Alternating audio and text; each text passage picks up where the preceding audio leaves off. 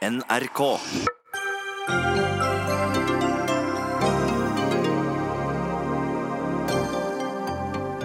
Oslo sier nei til 5-6 milliarder i bompakkepenger. Sjokkerende, mener Frp. Eldre er mindre opptatt av klimaendringene. Derfor bør deres stemmer telle mindre ved valg, mener statsviter. Hårreisende, svarer Pensjonistforbundet. Amazonas må reddes. Regjeringen må bruke handelsavtalen med Brasil for å presse landet til fornuft, mener SV. Norge gjør langt mer enn det lover Høyre. G7-møtet er over. Trump åpner for at Irans president kan møte ham innen nær framtid. Og det ansvarlige Høyre finnes ikke lenger, sier Hadia Tajik etter regjeringspartienes bompengepakkeavtale. Og kjør debatt.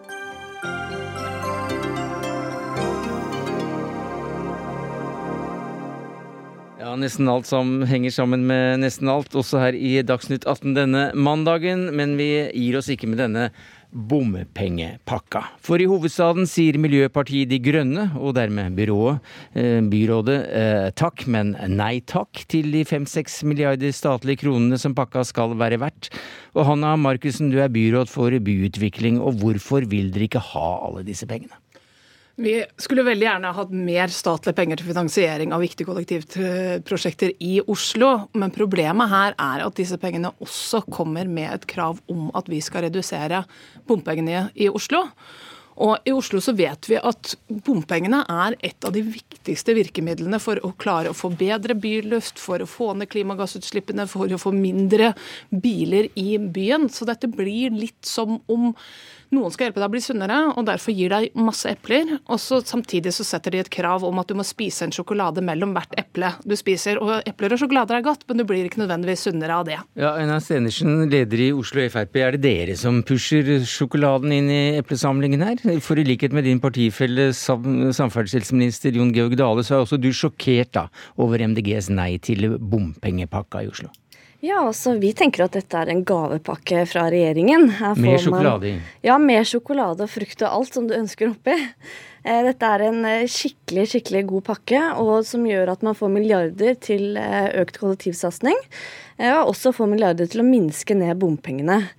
Og det er jo helt fantastisk. Og jeg tenker at det MDG i Oslo viser her, det er jo nettopp det at det, det er jo ikke det er jo ikke utslippene de er opptatt av, det er antall biler. Fordi at det vi vet er jo at Biltrafikken i Oslo har gått opp ca. 2 bare den siste måneden. Men det er jo bra så lenge f.eks. økningen er av elbiler. Eh, men her så sier MDG at det er det samme for de, hva slags bil det er. Bare det er en økning, så vil man ikke ha det. Eh, nå har vi i Oslo eh, mål om å redusere antall biler også. Det er helt korrekt. Det handler ikke bare om utslipp. Noe av det handler om klimagassutslipp. Noe handler også om å gi mer plass til fotgjengere, til syklister og til at kollektivtransporten skal komme frem. Eh, og så er det helt riktig at vi har ikke klart å redusere biltrafikken i Oslo nok og så mye som målsettingen er. Og nettopp derfor så trenger vi det virkemidlet som bomringen er. Fordi det er et av de kraftigste virkemidlene både for å redusere biltrafikken og for å få ned både klimagassutslipp og lokal luftforurensning. Og det er bra for Oslos befolkning, så her er det ikke en gavepakke. I stedet så er det faktisk at regjeringen vil betale Oslo for å ikke klare å nå våre klimamål, eller nå våre mål for eh, god luftkvalitet. Nei, jeg tenker jo at dette stemmer jo ikke. Altså Her får man en gavepakke som gjør at man kan satse milliarder på kollektivtrafikken. Eh, man kan søke om midler for å sette ned kollektivprisene, eh, og det sier byrådet da altså nei til. Så man sier jo i realiteten nei til å være mer miljøvennlig, eh, kun fordi å straffe de som faktisk er avhengig av bilen for å komme seg til jobb, for å ta med barna sine på barnehage, for å være på SFO, og enslige og pensjonister, alle som faktisk er avhengig av bilen i en storby. Men hvordan skal Oslo klare å oppnå sine klimamål dersom lavere bompengesatser fører til økt biltrafikk? Nei, altså Vi vil jo heller at man skal f.eks. vri det om fra et nullvektsmål, som egentlig i realiteten ikke er gjennomførbart, til et nullutslippsmål. Da blir det mye mer realistisk politikk. Og så sier vi også at man kan satse på samferdsel, og satse på f.eks. på elbiler og andre som trenger bilen i hverdagen sin, samtidig som man satser på kollektivtrafikken. For det første så er ikke et nullvekstmål urealistisk. Vi har nullvekst i biltrafikken i Oslo per i dag, men vi har en målsetting om å redusere biltrafikken. I tillegg så har vi ikke minst en målsetting om å være den første nullutslippsstorbyen i verden. Det skal vi bli i 2030. Og det er klart at Skal vi komme dit, så er vi nødt til å bruke alle de virkemidlene vi har. Og jeg syns det er veldig rart at valgkampen nå har, i uke etter uke har vært preget av en såkalt bompengekrise, når det vi har er en klimakrise. Polene smelter, vi har branner i Amazonas. Vi har store tunge spørsmål. Mm. Det burde vi snakke om. Men, og så her snakker man om at vi ikke skal bruke Men akkurat her snakker vi om lokalpolitikk, og en del av lokalpolitikken er altså bomringe eh, rundt eh, Oslo, hvor mye det skal koste akkurat når det gjelder Oslo. Hassan Bjerke, du er bystyrerepresentant i Oslo for Venstre, og apropos, dere vil doble rushtrafikkavgiften. Hvorfor det? Det vi har tatt til orde for, det er uh, å håndtere, en lokal håndtering av den pakken vi nå har fått tilbud om uh, av, fra regjeringen. Å og håndtere den i Oslo på en måte som gjør at den faktisk kan bli en, en gavepakke. Og det kan vi få til. Vi kan ta imot 3 milliarder mer til investering i kollektivtrafikken. Flere T-baneavganger, flere busser. Vi kan sette ned prisen i kollektivtrafikken som vi får penger til. Men da må vi også få biltrafikken ned. For det sier også avtalen, at hvis biltrafikken går opp, så mister vi disse pengene. Og så har jeg sagt at skal vi få til det, både investeringen i kollektiv og få biltrafikken ned, da må vi differensiere tøffere i bomtakstene. Ja, ikke bare tøffere, men, men, dere vil doble? Ja, men Akkurat beløpet, det må vi jo få fagfolkene våre til å finne ut av. Eh, Så men, dere vil ikke doble? Vil dere doble, eller vil dere ikke doble? Jo, Altså, do, doble, det er, det er, eh, nok det nivået ja. vi må ligge på. Men vi, ja, men, vi må det må vi få en reaksjon på. Altså, nå kan uh, vi i Miljøpartiet De Grønne være enige med Venstre at prisene i rushtiden i bomringen bør opp, men det Venstre her ikke sier, er at samtidig for å ikke øke totalen, så må man ta prisene ned resten av døgnet. Og det er bare én av fire biler som kjører i rushtiden, så her tar man kraftig samtidig og skal redusere bomprisen for biler mm. resten av døgnet. Og da lager man en pakke som er veldig tydelig at dette er to partier som ikke vil det samme. Det ene tiltaket nuller ut det andre, og vi klarer ikke å få den mm. reduksjonen i Oslo som vi trenger. Men dere vil jo ikke engang se om det er mulig å få det til. Altså, Dere har ikke nådd klimamålene dere har satt dere. Dere har ikke fått til nedgangen i biltrafikken. Den har gått ned 1% den skulle gå ned 20% Dere bygger ikke ladestasjoner. Dere har signert på å bygge ut E18. Det dere driver med er slagordpolitikk. Klima ja, trenger realpolitikere. Dette må jeg få svare på, for Oslo har faktisk kuttet sine klimagassutslipp med 16% på to år, mens regjeringen har økt. Så å si at vi har en slagordspolitikk og en politikk som ikke fungerer på klima i Oslo, er direkte feil. Det vi burde gjøre i Oslo, var å sette oss ned på tvers av partiene, ta bort valgkampretorikken og se hvordan kan vi gjøre dette til en gavepakke lokalt i Oslo. Og da akkurat, kan vi ta imot tre milliarder. Akkurat det, Bjerke, det er litt vanskelig 14 dager før valget. Ja. Nei, altså, altså, Vi tenker at uh, her har regjeringen forhandla fram en bompakkeløsning, og så kommer Venstre med et forslag da mandagen etterpå om å doble rushtidsavgiften i Oslo. Og Det er en veldig usosial og urettferdig politikk. Og så er det også sånn at de som kjører rushtiden, er personer som skal til og fra jobb, og som skal til og fra hente i barnehage. Og det er ikke alle som har et alternativ med kollektivtrafikk som går like ofte.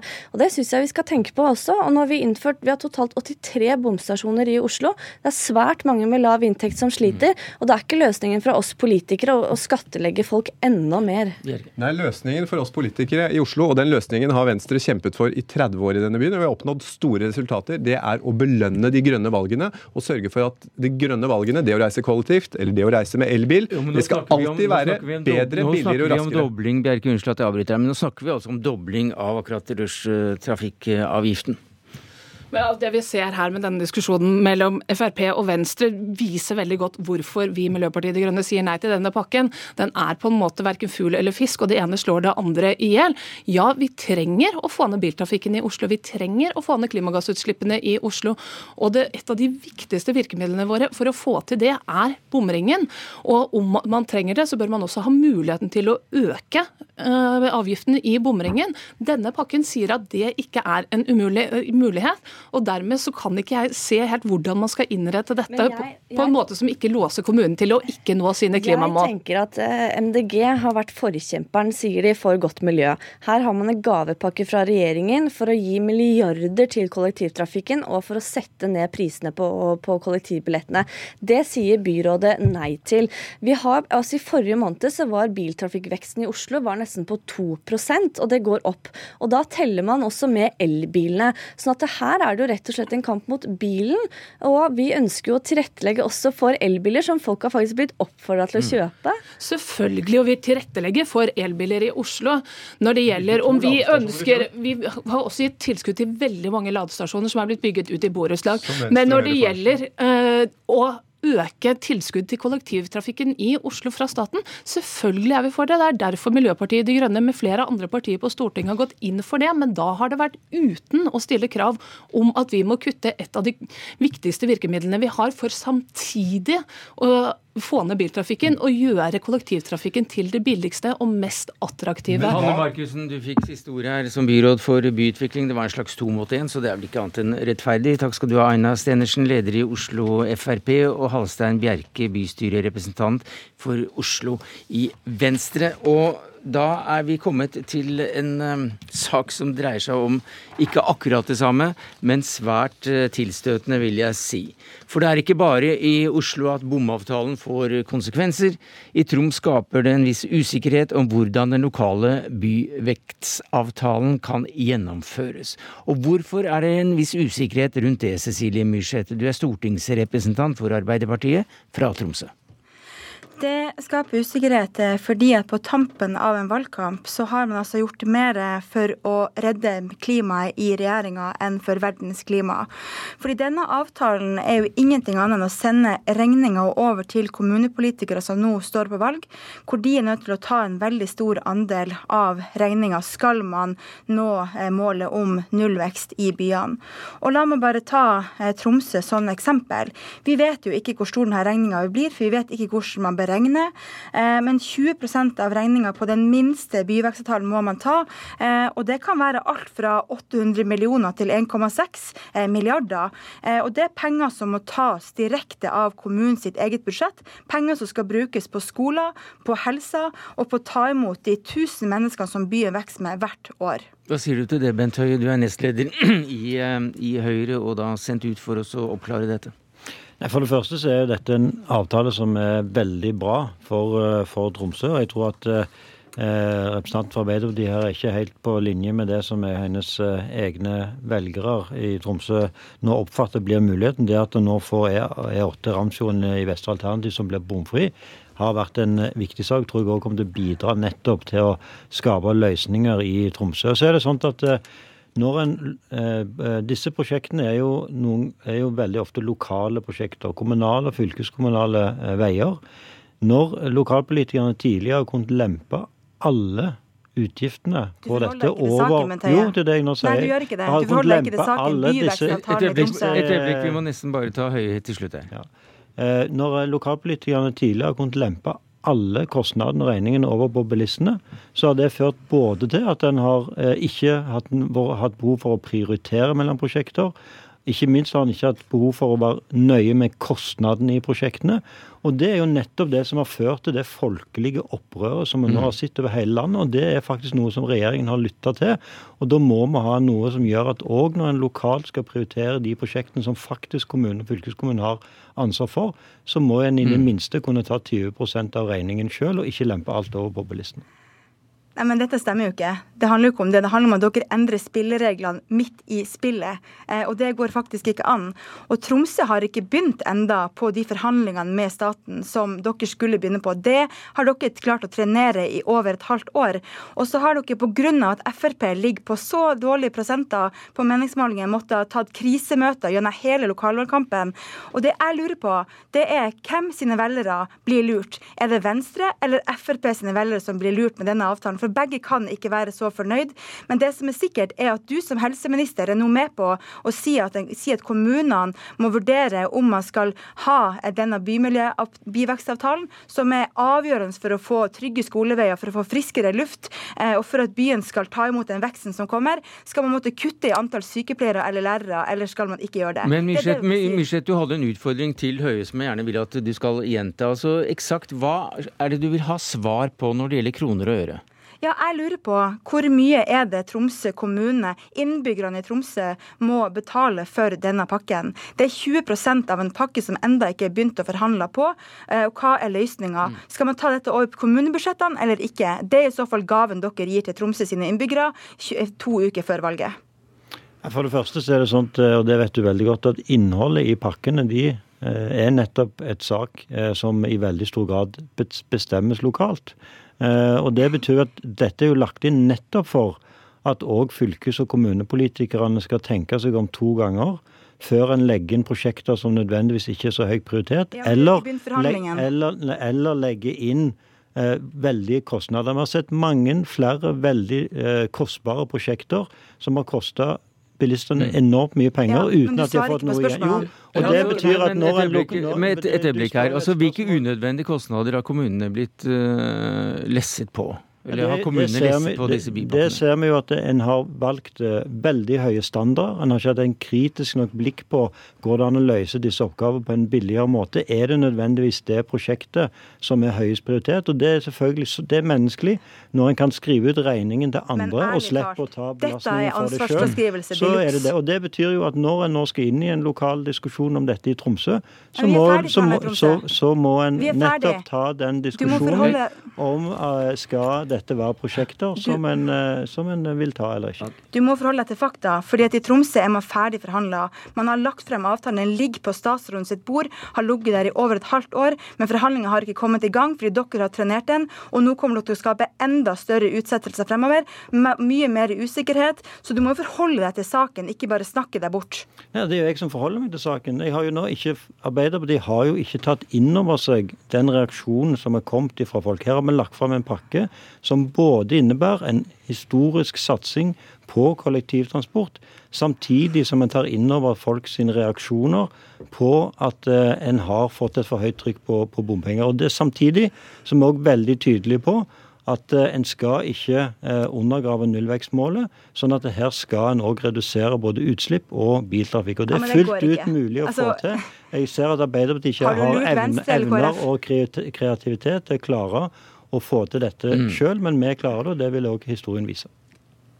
Nei, det, det, er altså helt uenig i. fordi Dere sier ikke hvor mye kommunene skal måtte kutte. Det dere gjør, er at to uker før valget så må kommunepolitikerne ta stilling til om de skal kutte milliardbeløp i sine, sine kommunale budsjetter. Det er ikke forutsigbar økonomisk styring. Og du vet hvor vanskelig det er å allerede få nok hender i omsorgen. Men det du nå gjør, er at kommunepolitikerne må inn og kutte i sine budsjetter. Eh, og det har man ingen plasser å kutte. For dere endrer spillereglene underveis. og det gjør gjør dere kun for å klare å tekkes Frp, som ligger på historisk lave målinger på tallene. Så det her handler om å redde klimaet i miljøet, eh, klimaet i regjeringa, fremfor å redde mm. verdens klima. Men Høie, det er en del forvirring her. For din egen samferdselsminister er sjokkert over at Oslo sier nei til 5-6 milliarder kroner, har vi lest i dag.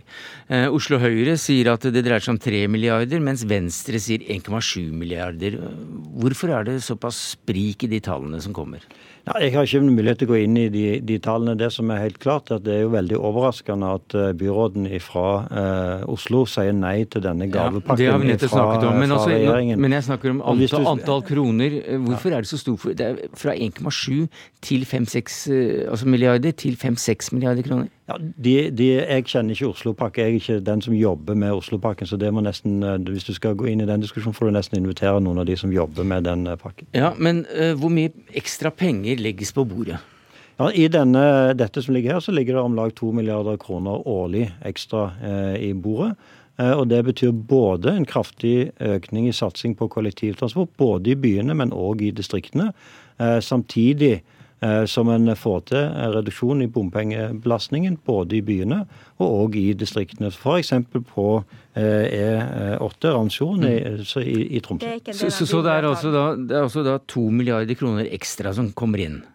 Det er helt riktig. Nå satser vi to milliarder kroner ekstra både på Eh, mer kollektivtransport, bedre eh, kollektive løsninger i byer og distriktene, og mm. samtidig en reduksjon i bompengebelastning. Men så er det da 8 milliarder på ti år til eh, de fire største byene til sammen, stemmer ikke det? Det er jo de allerede inngåtte avtalene som ligger. Det er den økningen til 66 ja. Så det ekstra som kom i helgen for så vidt, det var to milliarder?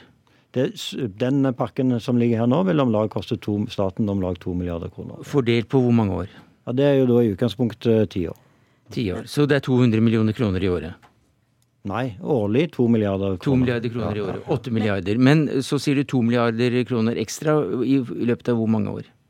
Ja, Det har ikke jeg, det har ikke jeg oversikten over. Da må du invitere samferdselsministeren hvis du skal gå ned i den type spørsmål. Ja. Men det som er helt klart, er at eh, denne løsningen vil innebære en eh, betydelig satsing eh, både på kollektiv og bompengereduksjon. Samtidig Eh, som vi da òg eh, kan løse mange andre viktige oppgaver. Samferdselsministeren var invitert, men uh, takket meg. Men nei, men takk skal du ha, Bent Høie, nestleder i, i Høyre, og Cecilie Myrseth, stortingsrepresentant for Arbeiderpartiet i Tromsø. Ja, det var det så langt vi kom i, en, i et lite forsøk på en slags oppklaring. Kjell Werner Johansen, du er assisterende direktør ved Transportøkonomisk institutt.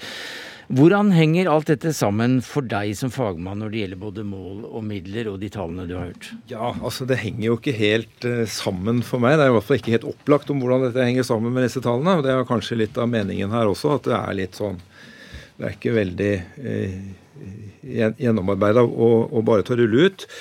Uh, nå har dere stort sett snakka om byene, og da tenker jeg da fortsetter vi med det som dreier seg om byene her. Så er jo dette, så betrakter jeg vel dette som et tilbud til byene om å gjøre ting litt annerledes. Og hvis dere gjør ting litt annerledes, så kommer staten med mer penger til dere.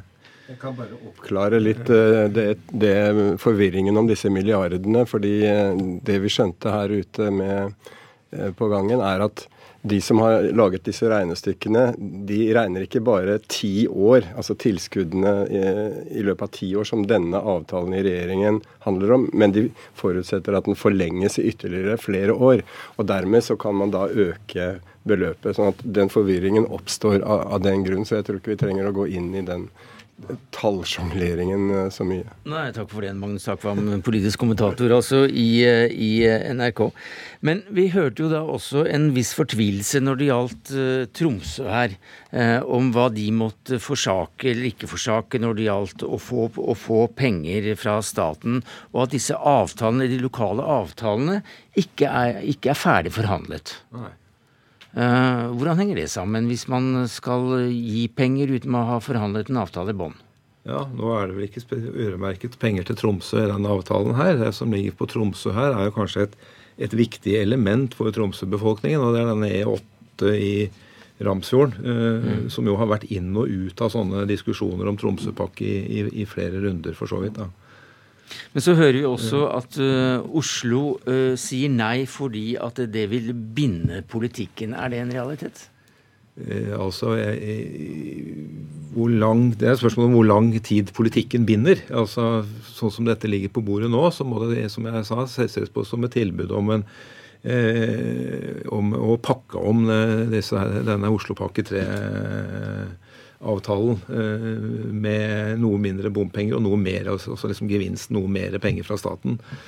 Eh, jeg syns vel kanskje at eh, retorikken går litt lenger enn realitetene her. Et, et, et sånt enkelt sånn på tommelen regnestykke tilsier at denne bompengereduksjonen i Oslo eh, kan utgjøre sånn 5-6% altså fra de planlagte 4,5 milliardene kroner i bompengeinntekter som en skal ha nå til i år og til neste år, som man kanskje ikke når pga. mer elbiler og litt mindre trafikk og sånn, eh, det er nå det, så kan dette altså utgjøre 250-300 millioner kroner da, i Oslos andel av denne, denne lettelsen. Så det er jo ikke det er jo ikke noe være eller ikke være for uh, situasjonen i Oslo eller, eller andre byer. Dette Men så da til om dette er egnede virkemidler. Altså, og, og, og, tilbake til, til, Venstre, som vi hørte, som vil doble rushtrafikkavgiften for å få færre biler i byen. Er det et godt virkemiddel? Eh, det er et godt virke, det å differensiere takstene mellom ulike perioder og ulike kjøretøyer og sånn, sånn som man til en viss grad gjør eh, i noen byer allerede, det er et godt og et lurt virkemiddel. Det å doble, det kan jo kanskje være å ta litt eh, hardt i. Men det å ha åpne for noe større differensiering der, det er en fordel. Og Det, det er liksom sånn de faglige sånn transportøkonomiske argumentene for dette her. Det er, sånn som vi syns er veldig morsomt å snakke om, og sånt, så vi kan holde på lenge, lenge med det. Men det, jo, det, knytter seg jo til å liksom få, få prisa ned kø, kork og kaos da i rushtiden. Og da, da bør man ha, ha, høyere takster i rushtiden enn ellers. Magnus Takvam, som politisk kommentator i NRK, så er vi ferdig med bompengesaken som politisk tema i denne valgkampen? Nei, åpenbart ikke. Jeg tror nok, og det kan man kanskje håpe i hvert fall, at den nå fortsetter der hvor eh, den skal virke, først og fremst. Altså eh, i eh, særlig de tre største byene. I Trondheim er det jo en avtale som det ikke er noe særlig konflikt om, men altså i, i Bergen, Hordaland, Rogaland, Nord-Jæren og i Oslo. Der er det jo eh, reelle, viktige ting som, eh, som partiene diskuterer. Og um, det er opplagt at uh, Frp her, uh, som jo var det partiet som utløste dette kravet om reforhandling av regjeringens politikk, er opptatt av å få en konfliktlinje med bompengetilhengerne som MDG, for så vidt Venstre, SV og de andre. sånn at Frp uh, vil gjerne gi næring til den debatten og vise at de er er, er, tøffe. Og også MDG, da, selvfølgelig på den andre siden. slik at vi fikk jo dette utspillet i går om at de sa nei til tilbudet fra, fra staten for å markere en klar linje. Men det er ikke en, eh, en, en politikk som byrådet i Oslo eh, foreløpig har tatt stilling til. De, de har jo ikke fått noen sak ennå. Eh, disse to partiene er tjent med å ha denne konflikten litt polarisert. Så det betyr altså at uh, hvis vi skal utpeke tapere her, så blir det røkla i midten, da? Ja, altså det, det, er ingen tvil om at Arbeiderpartiet og, og, en del av de andre partiene gjerne vil ha andre saker fram, og det tror jeg nok også kommer. Det er, en, det er et metningspunkt for hvor mye vi orker å diskutere dette. Eh, men jeg jo, legger merke til at Arbeiderpartiets vinkel her er jo på kommuneøkonomien, altså denne delen som handler om egenandeler for kommunene i disse pakkene. Sånn at de vil De, vil, de har sin tilnærming eh, på dette. Men jeg er enig med eh, Transportøkonomisk institutt at liksom volumet på denne avtalen ikke er så stort at det er, er entydig å si hvem som er vinner og, og mm. taper. Et par, par kroner par-tre kroner mindre i bompassering i, i, bommen er kanskje ikke, ikke noe som, som, eh, folk jubler så høyt for. Det er altså 14 dager til eh, lokalvalget. Det er to år til stortingsvalget. og Hvordan vil denne prosessen virke inn på samarbeidet i regjering framover, den som eh, da fant sin løsning på fredag? Nei, altså vi får se. Det, det, var jo på nippet til å bli skikkelig krise med, uh, før de ble enige. Jeg tror det, av, altså, det avhenger av så, så, prosaiske ting som FrPs oppslutning i valget, rett og slett. Hvis Frp får et krisevalg, så er uroen i Frp fremdeles til stede. Det vil komme krav om større gjennomslag, og du kan få konfliktlinjen f.eks. med Venstre opp igjen. Så Eh, og en annen dimensjon er selvfølgelig at hvis klima- og miljøspørsmål blir stadig tyngre, et tyngre faktor i den politiske debatten og konflikten mellom partiene, så er det jo nettopp der denne regjeringen har sin kanskje største eh, konfliktlinje. Eh, så noen sånn veldig fredelig seilas tror jeg ikke på. Neste snubletråd da, i veien fram mot valget i 2021 kommer kanskje allerede denne uka? Eh, ja, det er jo budsjett, eh, de avsluttende budsjettforhandlingene nå onsdag og torsdag. og Det er klart at man skal bruke 2,5 milliarder eller noe sånt, har man nå satt av til disse tingene vi snakker om. Eh, og de må jo tas et sted fra hvis man ikke skal, skal sprenge oljefondet. Så det er klart at der blir det en knallhard prioriteringskamp. Men hva er da oddsene på kommentatorbørsen for at vi har en borgerlig firepartisregjering i september 2021?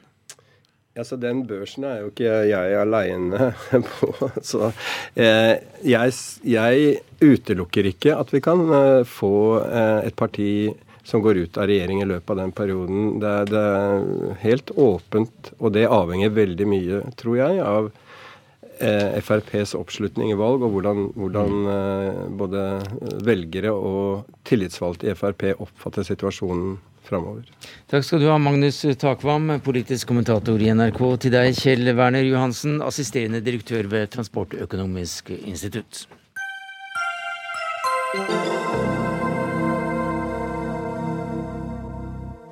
Ja, G7-møtet i Biarritz ble avsluttet i dag med en pressekonferanse for et par timer siden. Og størst oppmerksomhet fikk vel igjen da Donald Trump. For hva sa han om det å møte sin erkefiende, Irans president Rouhani? Eh, Lote, du er vår europakorrespondent, og du er der det skjer. Ja, på direkte spørsmål fra pressen så sa han at hvis omstendighetene ligger til rette for det, så vil han gjøre det. Og hvis dette skjer, så er jo det en suksess for verten eh, Emmanuel Macron, eh, som sa at eh, før dette G7-møtet så var det mye nervøsitet, men vi har klart å samle oss om en rekke punkter. Og det ble lagt ned et enormt arbeid i Iran-diplomatiet. Det tok mye tid i samtalen under middagen på lørdag. I går så kom Irans utenriksminister på på en eh, overraskende visitt. Eh, og Macron sa jo da eh, nå, han har for så vidt sin egen pressekonferanse bak oss nå som pågår ennå, at han i løpet av noen få timer vil ringe tilbake igjen til Irans president for å formidle innholdet ytterligere av hva som har blitt snakket om på dette G7-møtet. Så dette har vært et møte som har omfattet veldig mange saker, men hvis Macron nå klarer å lande dette her, så må han får til et møte mellom Rouhani og Trump i løpet av noen uker, som det er blitt snakk om, eh, så vil eh, sannsynligvis den franske presidenten være meget fornøyd med resultatet av eh, toppmøtet, G7-møtet i Biarritz. Så da tilbake til klima for så vidt, for det ble også et tema. Og FNs generalsekretær tok turen for å be om, eller for, været. Hva sa han? Han sa at eh, alle landene må trappe opp tiltakene sine ytterligere enn det man har forpliktet seg til i eh, Parisavtalen. Eh, og her var det jo også for så vidt en form for enighet på eh, G7-møtet. Eh, de syv rikeste demokratiene i verden ble enige om å gi 20 eh, millioner dollar til et fond som skal hjelpe Amazonas-landene å bekjempe brannene i Amazonas. Men hvis du ser på beløpene de snakker om når de snakker om handelskrigen og de samtalene som USA og Kina nå skal gjenoppta, hvor det er snakk om milliarder av euro og dollar, så er det klart at det de nå gir Amazonas, først og fremst er symbolsk og skal vise enighet. Og pengene skal da gå til eh, fly, som, slukningsfly som kan settes inn, eh, blir det sagt, i tillegg til en del praktisk veiledning. Men du nevnte handelsavtalen mellom EU og Mercosur-landene. Hva er blitt sagt om den? Ja, der, det, der, har jo Frankrike og Irland bl.a. Eh, sagt at hvis ikke Brasil lever opp til sine forpliktelser om å eh, holde eh, brannene under kontroll, hindre avskoging av Amazonas, så vil verken Frankrike eller Irland, og kanskje også noen andre EU-land, ratifisere denne viktige avtalen. Eh, som har mye å si for handelen mellom de to kontinentene. Der er det nok noe uenighet mellom EU-landene. Så sa Merkel at hun ikke mente eh, at det var riktig å bruke dette som et eh, pressmiddel, men også hun stiller seg bak kravet om at Brasil på vegne av planeten er forpliktet til å gjøre mer for å hindre avskoging og død, og at det biologiske mangfoldet i Amazonas eh, er truet. Takk skal du ha, europakorrespondent eh, Philip Lote. Audun Lysbakken, SV-leder. Er det slike ord som, eh, som, de vi hørte fra den franske presidenten angående å bruke handelsavtalen med Brasil, du gjerne ville hatt å høre fra norsk side òg?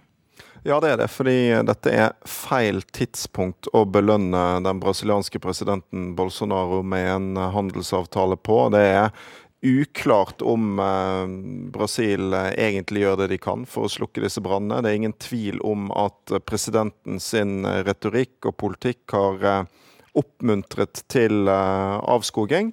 Eh, og det ser ut som om den brasilianske regjeringen nå gir eh, blaffen i sine forpliktelser i Parisavtalen. Og dette handler ikke bare om et indre anliggende for Brasil, det handler om vårt alles klima. Så jeg mm. mener at den norske regjeringen har gått glipp av en gyllen mulighet til å gjøre noe viktig i klimapolitikken her. Hvorfor har dere gått glipp av dette, Stefan Heggelund, du er energi- og miljøkomiteens talsmann for Høyre? Vi har ikke gått glipp av en mulighet, vi har brukt en veldig viktig mulighet. Altså, dette er jo en handelsavtale ikke bare med Brasil, det er med Mercosur, altså Argentina, Paraguay, Uruguay og Brasil. Det er viktig for norske arbeidsplasser, viktig for norsk eksport. Så er det viktig handelsavtaler for å skape samarbeid og tillitsbaserte forhold. Og det vi gjør med denne avtalen, det er jo faktisk at vi har fått en helt ny arena hvor vi kan stille krav til hvordan Brasil tar vare på sin ja, regnskog. og, det, og det, nei, men det gjør vi. For det ligger inne i avtalen en forpliktelse om å stanse ulovlig hogst. En forpliktelse om at man skal gjøre det man kan for å nå Parisavtalens klimamål, som er enige. Og dette er helt utrolig viktig. fordi at jeg mener at politikere skal være forsiktige med å spre bekymring i tide og utide. Men jeg skal være helt ærlig, jeg er veldig bekymret for den utviklingen vi nå ser i Amazonas. Mm. Uten tropisk skog så kan vi bare glemme ja, klimakampen. Men handelsavtalen, og derfor er jeg glad for at vi har fått denne muligheten. Så ligger altså da punkter som Brasil må oppfylle før denne handelsavtalen effektueres. Altså det vi er enige om er at for at noen vilkår må oppfylles for at vi skal ha en handelsavtale, det gjelder mm. annet da det Audun Lysbakken etterlyser, om å stanse mm. ulovlig avskoging. Så dette ligger inne i avtalen, og det er en god mulighet. Lysbakken. Ja, men Det er jo akkurat dette som er problemet. fordi at Det hjelper jo ingenting om eh, noe står på et papir, hvis en likevel inngår avtale med en regjering som hele tiden viser at uh, den gjør noe annet. Uh, vi snakker om en president som har uh, drevet valgkamp på klimafornektelse, som har oppmuntret til avskoging, og en utvikling hvor ulovlig hogst nå Eh, ser ut til å aksepteres og legitimeres. I en sånn situasjon så kan man ikke late som om en eh, forholder seg til en regjering av den typen Brasil hadde før. En må forholde seg til realitetene, nemlig en president som ikke er til å stole på i dette spørsmålet. Og da krever du å få se bevis på handling før du belønner med en lukrativ handelsavtale. Det er det man hadde gjort hvis man satte klimaet først her. Ja, Vi setter klimaet først, og det er derfor vi stiller disse kravene i avtalen. Nå blir dette folkerettslige forpliktelser som vi vil følge opp. Problemet i utfordringen i Brasil når det gjelder avskoging, er at 90% av avskogingen som skjer, den er ulovlig. Vi sier i denne avtalen at den ulovlige avskogingen må stoppes. Det er utrolig viktig.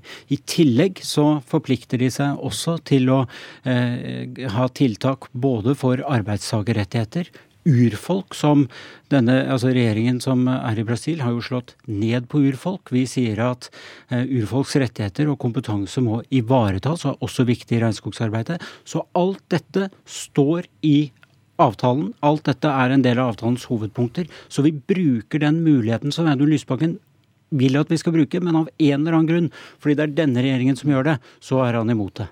Nei, men Det er veldig lett å forklare hvorfor jeg eh, har advart mot eh, regjeringen i denne saken. her, og Det er fordi det er ikke til å stole på at regjeringen har hatt dette høyt på sin agenda. Fordi Nå kommer jo Stefan Heggelund og sier at liksom, dette skal bidra til eh, alt mulig bra når det gjelder klima.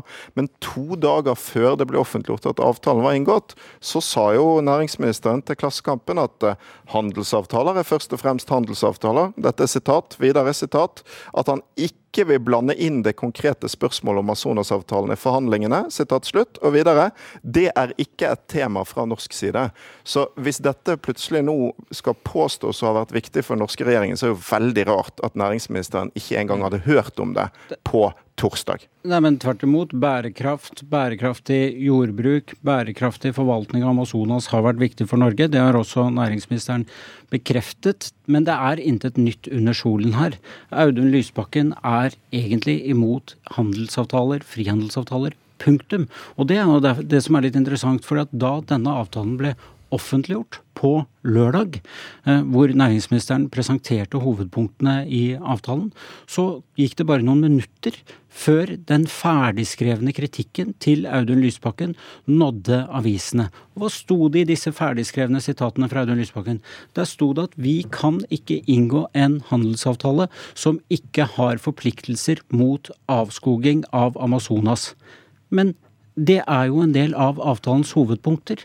Så for å være helt ærlig, så er det litt vanskelig for å forstå kritikken. Fordi at dette har vært viktig for Norge. Det er et eget bærekraftskapittel i avtalen. Det er avgjørende for klima og skog.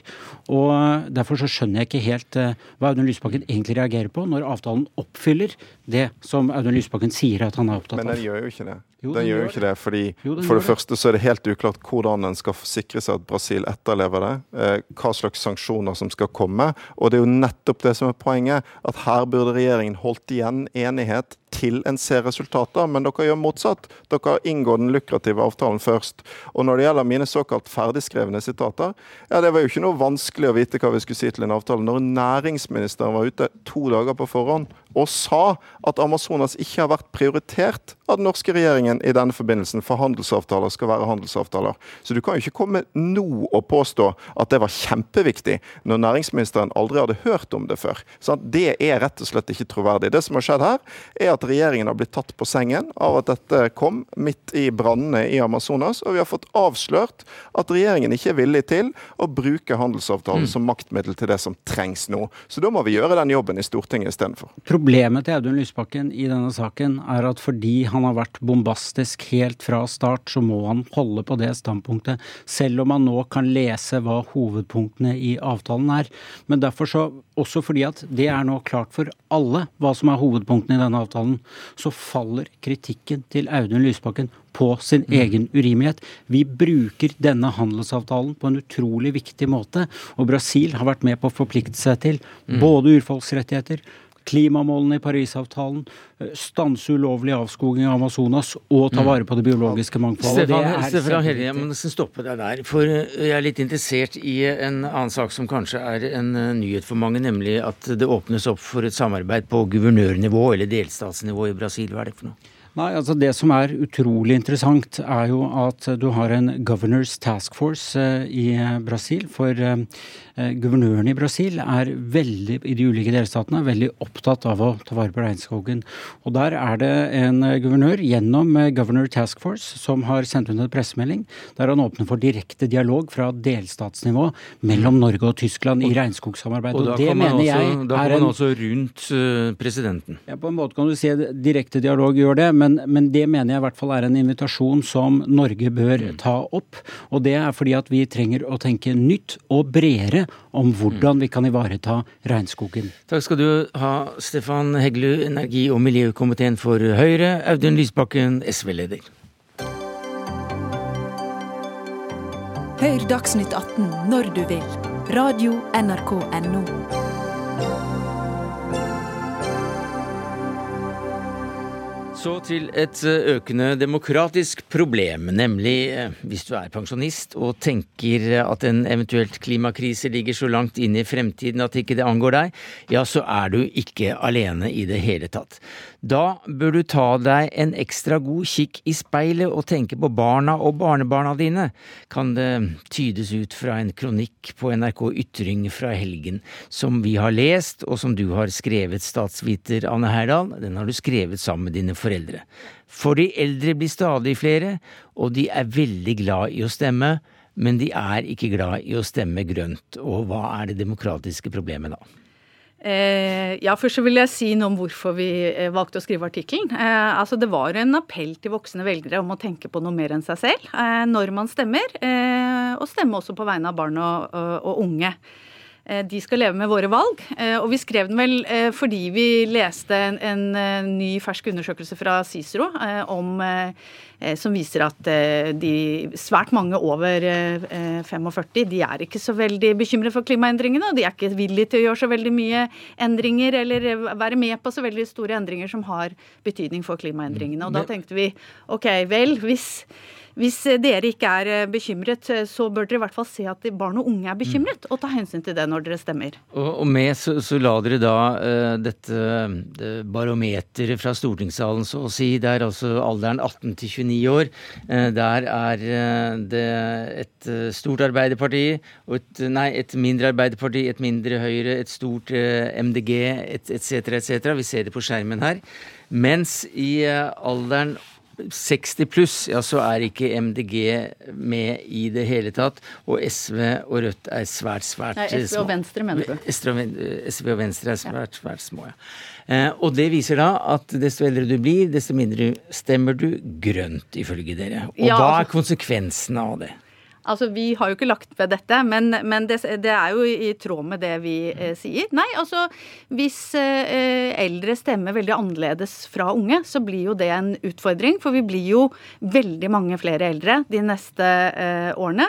I løpet av de neste 20 årene så blir det en halv million flere over 65, mens det blir ingen flere unge under 30. Og en løsning kan være å, å vekte stemmene. Ja, altså Vi går ikke inn for det, men vi sier at vi må ha en samtale om hvordan vi skal eh, eh, løse den utfordringen at velgermassen flytter seg så mye eh, oppover i alder. Og én mulighet, som vi jo gjør på geografiområdet, det er å vekte. Altså I geografi så vekter vi noen, altså distriktene eh, høyere enn f.eks. Oslo. Og det gjør vi fordi vi tenker at det bør være representasjon fra alle deler av landet. Så vi er jo ikke ukjente med vekting. Eh, og da tenker vi at altså vi har, Det må selvfølgelig utredes og forskes jo. på og sånn, men det, det kunne være en mulighet for å sikre ikke at eldre skal nulles ut, men at unge skal bli hørt. Hva sier du til det, Jan Davidsen, som forbundsleder i Pensjonistforbundet? Nei, altså, Jeg syns jo det oser av eh, aldersdiskriminering. Eh, fordi at de fleste eldre er jo også heldige i den grad at de har både barn, de har eh, barnebarn og oldebarn. Og det mesteparten av de òg gjør, er å tenke langsiktig. Og denne saken er jo litt for alvorlig da, i forhold til kanskje det står med eksistensen vår, til å havne opp i en diskusjon om vekting av stemmer osv. Det, er det er den debatten vi tar nå, da. Ja, jeg er klar over det. Ja. Og der syns jeg at det blir et lite feilglipp. fordi at jeg tror at det å ha mye mer informasjon, det å drive mye mer kunnskapsspredning i forhold til alvoret i situasjonen, vil også gjøre det at eh, du får en annen type forståelse for eh, ikke bare hvem man stemmer på, men også hva de partiene du har stemt på, gjør. For i salen, som du viste fra Stortinget, i kommunestyrene, i fylkestingene, så er det de yngre som er representert. Det er de som fatter vedtakene og at eh, de som stemmer på de, har kanskje mindre påvirkning i etterkant. Det er jo noe vi kan gjøre gjennom bl.a. å organisere deg. Og I Pensjonistforbundet for eksempel, nå så har vi laget et eget hefte om miljø, laget av Natur og Ungdom, for å få frem debatten. Vi kjørte generasjonsting når vi var i mm. Arendal, og gjør en rekke grep nettopp for å sikre at det generasjonsspennet som ligger her, det må vi bygge videre på. For det er derfor jeg tror vi lever i et av verdens beste land. Jo, men i et av verdens beste land så viser det seg altså at per i dag så stemmer de eldre ikke på grønt, slik det er formulert i denne eh, kronikken på ytring på, på nrk.no. Og en av virkemidlene det er da å få fram de unge bedre, er å vekte deres stemmer høyere. Jo, men uh, sammensetningen i disse uh, styrene som skal ta beslutningene, storting og alt dette her, det er jo i høyeste grad avhengig av den politiske bevisstheten å forstå hva det vil si å føre en grønn politikk. Jeg ville overrasket meg om du gikk inn til de ulike partiene og spurte de fører dere en mindre grønn politikk enn andre. Partiene sjøl ville hatt en mening om det, men alle mener jo det at de fører en politikk som uh, skal gi oss et bedre miljø. Og Da er det jo nesten til liksom nesten å spørre, da skulle man også forby de partiene, de alternativene, til å stemme på, da, ut ifra om man mener de har en grønn politikk eller ikke. Ja, Nå leser du jo veldig mye rart inn i det vi sier. Vi sier overhodet ikke noe av det at man skal forby. Og selvfølgelig, altså vi, ikke, vi skriver ikke for aldersdiskriminering i det hele tatt. Og jeg må si at hvis du har rett, da, at det er et stort engasjement for barn og barnebarns ve og vel blant de eldre, og at man faktisk tar hensyn til det når man stemmer, vet du hva, da er jo jeg veldig fornøyd. Altså, men det er jo det at en rekke undersøkelser, altså Ciceros undersøkelse er én, eh, andre undersøkelser eh, tilsvarende, viser at eh, folk over 45, og da er faktisk min aldersgruppe kanskje den aller verste, altså den rundt 50, som er ikke så veldig opptatt av det, og er ikke så veldig, veldig villig til å ta hensyn. Og Det er det vi bekymrer oss for, og da tenker vi da må du, man i hvert fall ta inn over seg de unges ve og vel når man mm. stemmer. Og jeg er helt enig i det. Og det er bra at du nevner gruppen 45, for det er nemlig disse beslutningstakerne. Den gruppen som jeg representerer, som er 20 år eldre enn det, de har tross alt en litt annen og bredere forståelse for det. Og jeg tror, jeg tror at dette går mye på, på, kunnskap, og at partiene også må ha større tro, tiltro til at de tiltakene de foreslår i miljøpolitikken, det faktisk virker. Men uh, Davidsen har vel rett i at alle partier mener vel at de har uh, verdens beste klimapolitikk? Jo, men jeg syns kanskje noen har en større troverdighet på det enn andre. Og altså, eh, i hvert fall hvis du ser på den undersøkelsen til eh, Cicero, så er jo da noen veldig konkrete spørsmål. Er du villig til eh, høyere avgifter på, på fossil brensel f.eks.? Nei. Hvis man svarer det, og, og en rekke andre tilsvarende tiltak, og man sier i grunnen nei til det meste, så kan man ikke samtidig si at man er, har en klimavennlig politikk. Det er lite troverdig. Men du er helt rett i. Men så må du huske på at de fleste pensjonister de har altså to tredjedels lønn, så deres kjøpekraft er litt annerledes. Og Dermed kan det òg være en type sammenheng i det som går på fordelingspolitikken, og som vi nå har fått midt i fleipen i forhold til hele bompengediskusjonen, som er helt forferdelig i forhold til hva står vi står oppi. Men det er vel ingen gruppe som er rikere enn pensjonistene, er ikke det altså, så, så, Men altså, jeg ønsker egentlig ikke denne form for diskusjon, for vi ønsket først og fremst en appell til velgere. Og jeg, og jeg ønsker naturlig nok også en debatt om det går an å vekte stemmer ut ifra alder. og, og hva ja, altså En 20-åring i forhold til en 80-åring, er det én til to? Altså, nei, nei, altså, men, men, men dette sa vi at dette er noe man kanskje må tenke på. Jo, men du tenker eh, på jo, det nå. Du ja, tenker på jo, det nå. Men, altså, jeg tenkt, har tenkt veldig lite, men okay. jeg har tenkt såpass som at kanskje man skulle si noe sånt som at alle deler av eh, befolkningen burde være godt representert. Eh, altså, og godt eh, altså, i velgermassen. Eh, at ikke det bør være veldig stor forskjell på de som er over og under 50 f.eks. Da bør man i hvert fall få unge til å gå med til stemmeurnene. Eh, takk skal du ha, Anne Heyerdahl, statsviter, og til deg, Jan Davidsen, forbundsleder i Pensjonistforbundet.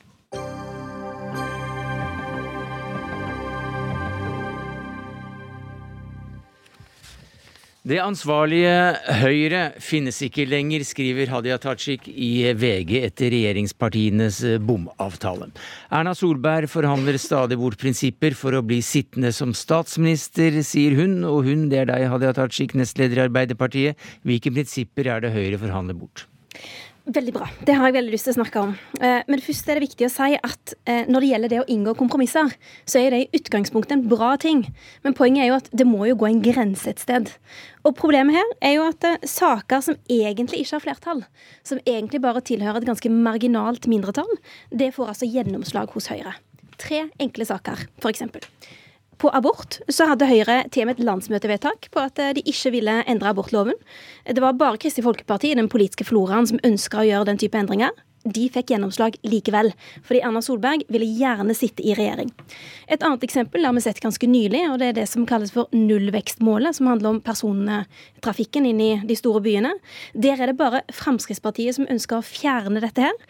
Ehm, fjerner man det, så vil det føre til kø, kork og kaos. Nå vet vi at de vil såkalt videreutvikle det, uten at det er helt klart hva det innebærer. Fremskrittspartiet feirer det i hvert fall som en seier. Det tredje og siste eksempelet er oljepenger. Altså Her har jo Høyre pleid å være et ansvarlig parti. Det er sånn vi kjenner de. Men gjennom de siste seks åra så har vi sett at de har hatt en ganske ekspansiv oljepengebruk. Og det har vært litt sånn at det er liksom at De har gått på restaurant med sine tre gode venner. Så har de vært enige om at eh, nå skal vi spise torsk.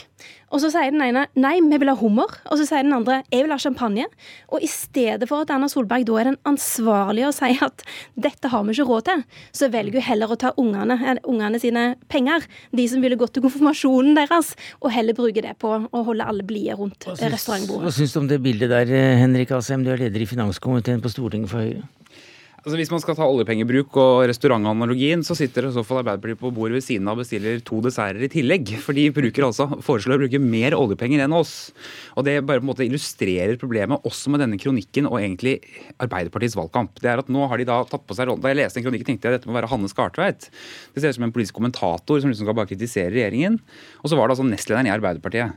Det er helt uklart når du leser den, hva Arbeiderpartiet egentlig er for. Og noe av det som Vi gjør, vi sitter jo da i den første borgerlige flertallsregjeringen siden 1985. Og det vi har gjort, vi har laget en kommunereform som Ap først var for, så ble de imot. Vi har laget en politireform som Ap først var for, så ble de imot, nå er de for igjen. Vi har laget en eh, pensjonsreform for de ansatte, kjempeviktig. Vi har laget en skolereform som også innebærer økte opptakskrav og kompetansekrav. Det er Arbeiderpartiet nå plutselig imot, selv om de var for da vi gjorde det. Så poenget er at grunnen til at Arbeiderpartiet nå skal liksom begynne å snakke om prosess og ledelse i regjeringen og sånn, er jo fordi de ikke har noe politikk å komme med. Fordi det er et parti som gjennom alle sine seks år i opposisjon har vært for og imot og midt imellom på alle store reformer som Høyre har tatt føringen på, og som Ap har vingla rundt. Men en statsminister må vel styre en regjering med fire partier eh, ved å inngå kompromisser med regjeringspartiene? Det er overrasker vel ingen? Det er klart at man må inngå kompromisser. Så hvilke viktige prinsipper er det da Høyre forhandler bort? Kvinners rettigheter har de forhandla vekk. Prinsippet om en ansvarlig oljepengebruk den har de forhandla vekk. Nullvekstmålet er de allerede i ferd med å forhandle vekk. Påstanden til Henrik Asheim eh, om at eh, Arbeiderpartiet har ligget høyere enn Høyre, er ikke riktig. Gjennom de siste seks åra har Arbeiderpartiet ligget lavere enn oljepengebruken til regjeringa. Men det er ikke det som er poenget. Poenget er jo at det, det, er jo ikke sånn at Arbeiderpartiet er de eneste som fremmer denne kritikken av hvordan altså Erna Solberg har valgt å bruke oljepengene. Den samme kritikken fremmes jo òg av en rekke økonomer, f.eks. professor Einar Lie. Han sier rett ut det har vært en høy pengebruk pengebruk høyere enn man kunne forvente ut ifra konjunktursituasjonen. Han mm. sier òg jeg syns ikke at regjeringen er på rett vei. Altså, vi, kan, vi, trenger ikke slå hverandre i huet med dette, men senest, det siste vi gjorde i Stortinget før sommeren, var å vedta revidert nasjonalbudsjett. og Der foreslår Arbeiderpartiet å bruke mer enn oss. og Det var det økonomer som slo fast, ikke bare vi.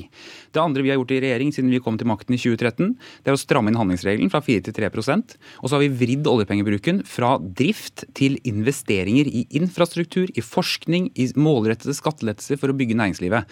Og igjen så hører vi altså Arbeiderpartiet som kritiserer oljepengebruken, men foreslår å bruke mer, og som ikke tegner opp ett eneste alternativ alternativ. Altså, Det går ikke an to uker før et valg å sitte og bare ha liksom, kritikk av form, istedenfor å komme med alternativ politikk. Det er et valg som foregår om to uker. Du, Vi har masse alternativ politikk, og jeg snakker veldig gjerne om det òg. F.eks.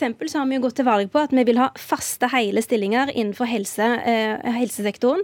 Nå er, er, det jo mulig å gjøre noe med det fra kommunene sin side. Så vi har bedt alle våre ordførere, alle våre lokalpolitikere om å ha det som sin prioritet. Mm. Når vi har kommet med forslag knytta til heltid på Stortinget, har vi blitt stemt stemt ned av eh, Høyre-flertallet. F.eks. når vi har foreslått at det bør være ikke bare en hovedregel om å faste hele stillinger, men at de som da ønsker å utlyse deltidsstillinger, skal forklare og sannsynliggjøre hvorfor man gjør det. Men jeg registrerer jo at eh, Asheim snakker seg vekk fra det som er det sentrale poenget her, nemlig at det er tydeligvis ingen grenser for hva Erna Solberg er villig til å være med på. Kvinners rettigheter er ikke viktig nok for Erna Solberg til at hun setter foten ned. Hvorfor gjør hun ikke det? Altså bare for å ta dette med, med, heltid og deltid først. Vi har jo fått avdekket, og derfor så ble det litt punktert i valgkampen dette også, nemlig at kommunene Arbeiderpartiet styrer er jo ø, ikke noe bedre enn noen andre på dette her. og Tvert imot. Trondheim har jo utlyst en haug med midlertidige stillinger ø, og deltidsstillinger. Dette er feil. Det, nei, jo da, men Problemet til Arbeiderpartiet er at alt dere sier er motsatt av alt dere gjør. og Derfor så er det ingen som stoler på dere lenger. Men det andre er, jo, men, og det andre er også bare til det andre, ikke sant? Fordi, ikke sant? Det er så spesielt at Arbeiderpartiet bruker tid på dette. Høyre har altså nå i seks år styrt en regjering, først med to, så tre, så fire partier. Det er en regjering som for, altså På fredag så illustrerte man, og alle tidspunkt å komme med det på, så illustrerte Erna Solberg at hun satte ned foten, la frem en skisse laget av Høyre som de tre andre sluttet seg til. Dette gjør man på veldig mange viktige områder, at man finner sammen. Men så er det også sånn, og jeg tror SV og Senterpartiet kan kjenne seg litt igjen når de satt i regjering med Arbeiderpartiet, at strategien til Arbeiderpartiet er liksom å rulle over og skjære ned på sine samarbeidspartier.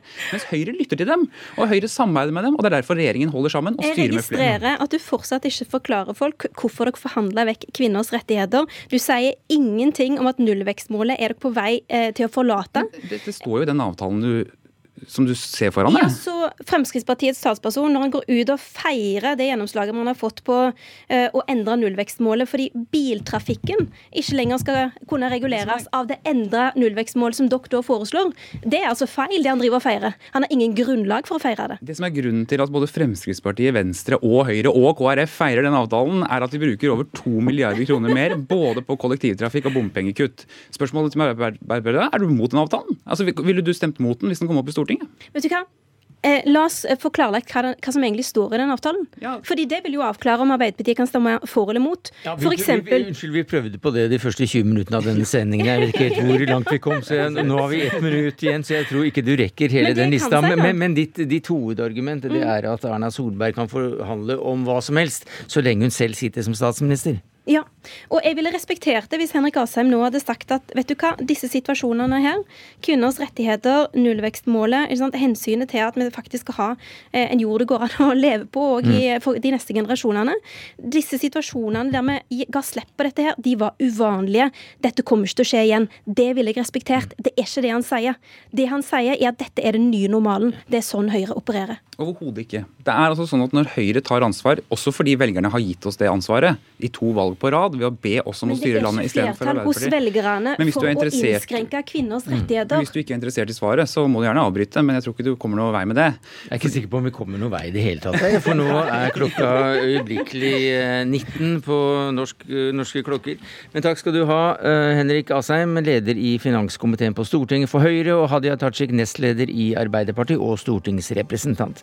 Det var det vi rakk denne mandagen, takket være ansvarlig for det hele Dag Dørum. Det tekniske ansvaret hadde Eli Kyrkjebø. Jeg heter Sverre Tom og vi ses og høres i morgen.